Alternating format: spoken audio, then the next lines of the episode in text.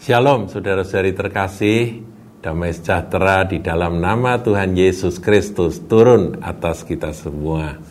Saudara, um, saya akan bacakan ayat dari 2 Korintus 8 ayat yang ke-9. Ini adalah kata-kata Rasul Paulus yang dia tuliskan kepada jemaat Korintus. Ayat 9 karena kamu telah mengenal kasih karunia Tuhan kita Yesus Kristus, bahwa Ia yang oleh karena kamu menjadi miskin, sekalipun Ia kaya, supaya kamu menjadi kaya oleh karena kemiskinannya. Saya ulang ya, saudara ya.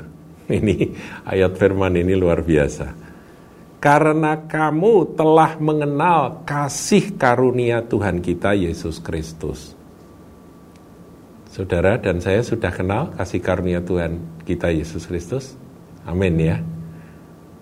Nah, ini adalah salah satu poinnya. Bahwa ia yang oleh karena kamu, jadi oleh karena kita, menjadi miskin sekalipun ia kaya. Berhenti sampai sini. Jadi Tuhan Yesus itu bukan saja kaya tapi maha kaya, betul ya? Tapi dia menjadi miskin karena kita. Supaya apa, Saudara? Nah, ini ini pengertiannya bisa kita ambil pada waktu Tuhan Yesus lahir. Siapa sih bayi yang lahir di palungan yang di apa itu dibungkus dengan kain lampin di kandang binatang itu, di kandang ternak itu, itu siapa? Dia adalah Yesus Kristus Tuhan. Dia adalah uh, putra Allah, dia adalah sang firman yang adalah Allah yang menjadi manusia, menjadi daging.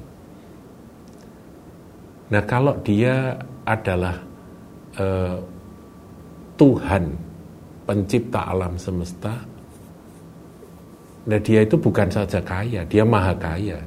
Langit dan bumi dia yang ciptain, saudara. Ya, bukankah firman Tuhan katakan bahwa segala sesuatu dijadikan oleh firman. Tidak ada sesuatu pun yang jadi tanpa firman, ya kan? Dan Yesus itu sang firman yang menjadi manusia. Jadi dia itu maha kaya, saudaraku. Dia empunya segala sesuatu, langit bumi, bintang-bintang, itu semua ciptaan dari dia. Nah, tapi dia rela jadi miskin ketika dia datang ke bumi ini. Supaya apa?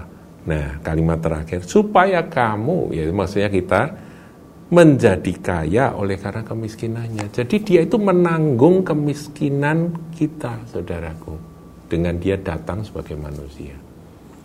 Tetapi, saudaraku, uh, bertentangan dengan pendapat tradisional yang mengatakan bahwa Yesus itu melayani dalam kemiskinan itu tidak benar. Yesus ketika melayani dia berkecukupan, bahkan dia membagi-bagi, ya kan? Dikatakan penuh kemurahan dan dia membagi-bagi. Ketika dia melayani di bumi ini, dia serba cukup dia tidak pernah mengumpulkan harta untuk kepentingan diri sendiri. Itu jelas Tuhan Yesus. Dia sederhana. Ya, dia tidak naik kereta, tidak. Dia jalan kaki ke mana-mana. Tapi dia cukup, saudaraku. Dia cukup. Dan kalau ada orang yang berkata bahwa wah Tuhan Yesus itu miskin ketika dia ada di bumi, ketika dia melayani, itu juga tidak benar jadi menjadi pelayan Tuhan itu kita pun juga jangan terus mikir bahwa kita harus miskin, sangat miskin gitu tidak. Yesus berkecukupan bahkan dia bisa membagi-bagi. Tetapi saudaraku untuk dirinya sendiri dia lahir di kandang Bethlehem. Nah, ketika itu kita lihat saudaraku ketika ada kebutuhan bahwa keluarga kudus ini harus pergi ke Mesir, ada orang-orang majus yang mempersembahkan emas, mur, dan kemenyan. Itu barang-barang berharga yang mencukupi akan kebutuhan perjalanan dari keluarga kudus yaitu Yusuf, Maria dan bayi Yesus itu ketika mereka tinggal di Mesir. Nah, kemudian segala keperluan Yesus ketika dia sudah tampil, ya Yesus masa kecilnya saya kira dia sebagai tukang kayu, dia e, membantu orang tuanya. Tapi ketika dia sudah masuk dalam pelayanan, semua keperluan Tuhan Yesus itu tersedia. Jadi Bapak di surga menyiapkan semua perahu untuk dia naik dan dia berkhotbah di atas perahu untuk dia mengadakan perjalanan ada Rumah tersedia, saudaraku. Di Kapernaum dia ada rumah. Keledai, ya dia pinjam aja keledai. Memang semua nggak nggak untuk diri sendiri. Jadi Tuhan Yesus itu nggak pernah mengumpulkan harta untuk dirinya sendiri, enggak. Tetapi dia dicukupkan dalam segala sesuatu. Bahkan Lukas 8 ayat 1 sampai 3 kalau saudara baca, di sana ada perempuan-perempuan kaya yang mensupport akan uh, pelayanan dari Tuhan Yesus itu dengan kekayaan mereka. Jadi memang selalu dicukupkan dalam pelayanan apa pun yang Tuhan Yesus kerjakan dia bersama dengan murid-muridnya itu tidak pernah kekurangan saudaraku. Dan ya Yohanes 12 ayat 4 sampai 8 kalau saudara baca yaitu Tuhan Yesus sering memberi-beri, membagi-bagi kepada orang miskin. Berarti dia kaya, saudaraku ya. Coba ini Yohanes 12 ayat 4 sampai 8 ini uh, sampai ini kan dikatakan kan ya tetapi Yudas Iskariot seorang dari murid-murid Yesus yang akan segera menyerahkan dia berkata, Mengapa minyak narwastu ini tidak dijual 300 dinar dan uangnya diberikan pada orang miskin? Hal itu dikatakannya bukan karena ia memperhatikan nasib orang-orang miskin, melainkan karena ia adalah seorang pencuri. Ia sering mencuri uang yang disimpan dalam kas yang dipegangnya. Jadi artinya apa saudaraku? Artinya eh, pada waktu itu Tuhan Yesus itu sering membagi-bagi. Bendaharanya memang Yudas. Nah Yudas ini hitungan sekali gitu ya.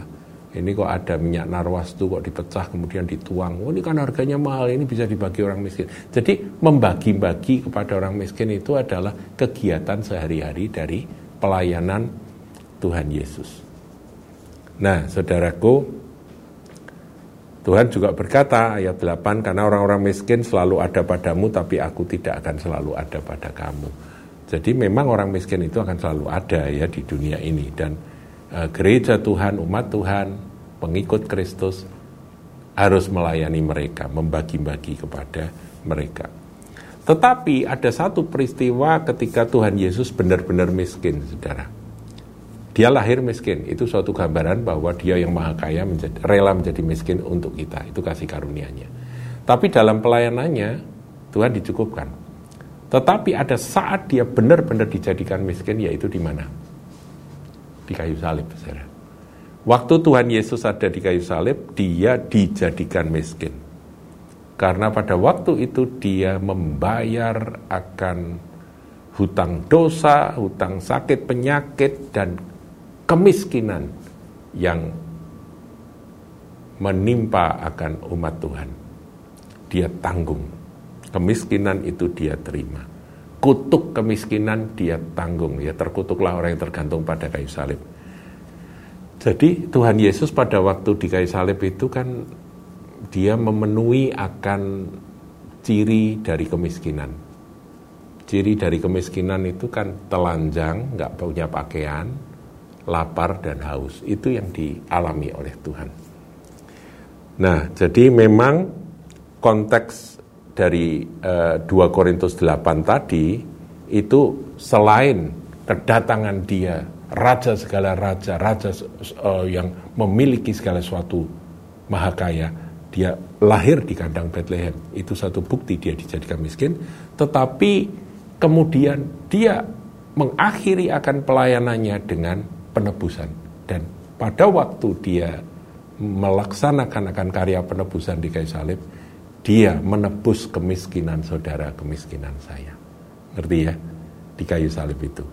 Dia dijadikan miskin supaya kita yang miskin boleh menjadi kaya karena kemiskinannya. Itu saudaraku yang harus kita pahami tentang uh, ayat yang luar biasa ini. Jadi kalau Anda merasa miskin, ketahuilah, pandanglah salib. Tuhan sudah menebus akan kemiskinan Anda. Haleluya. Tuhan Yesus memberkati.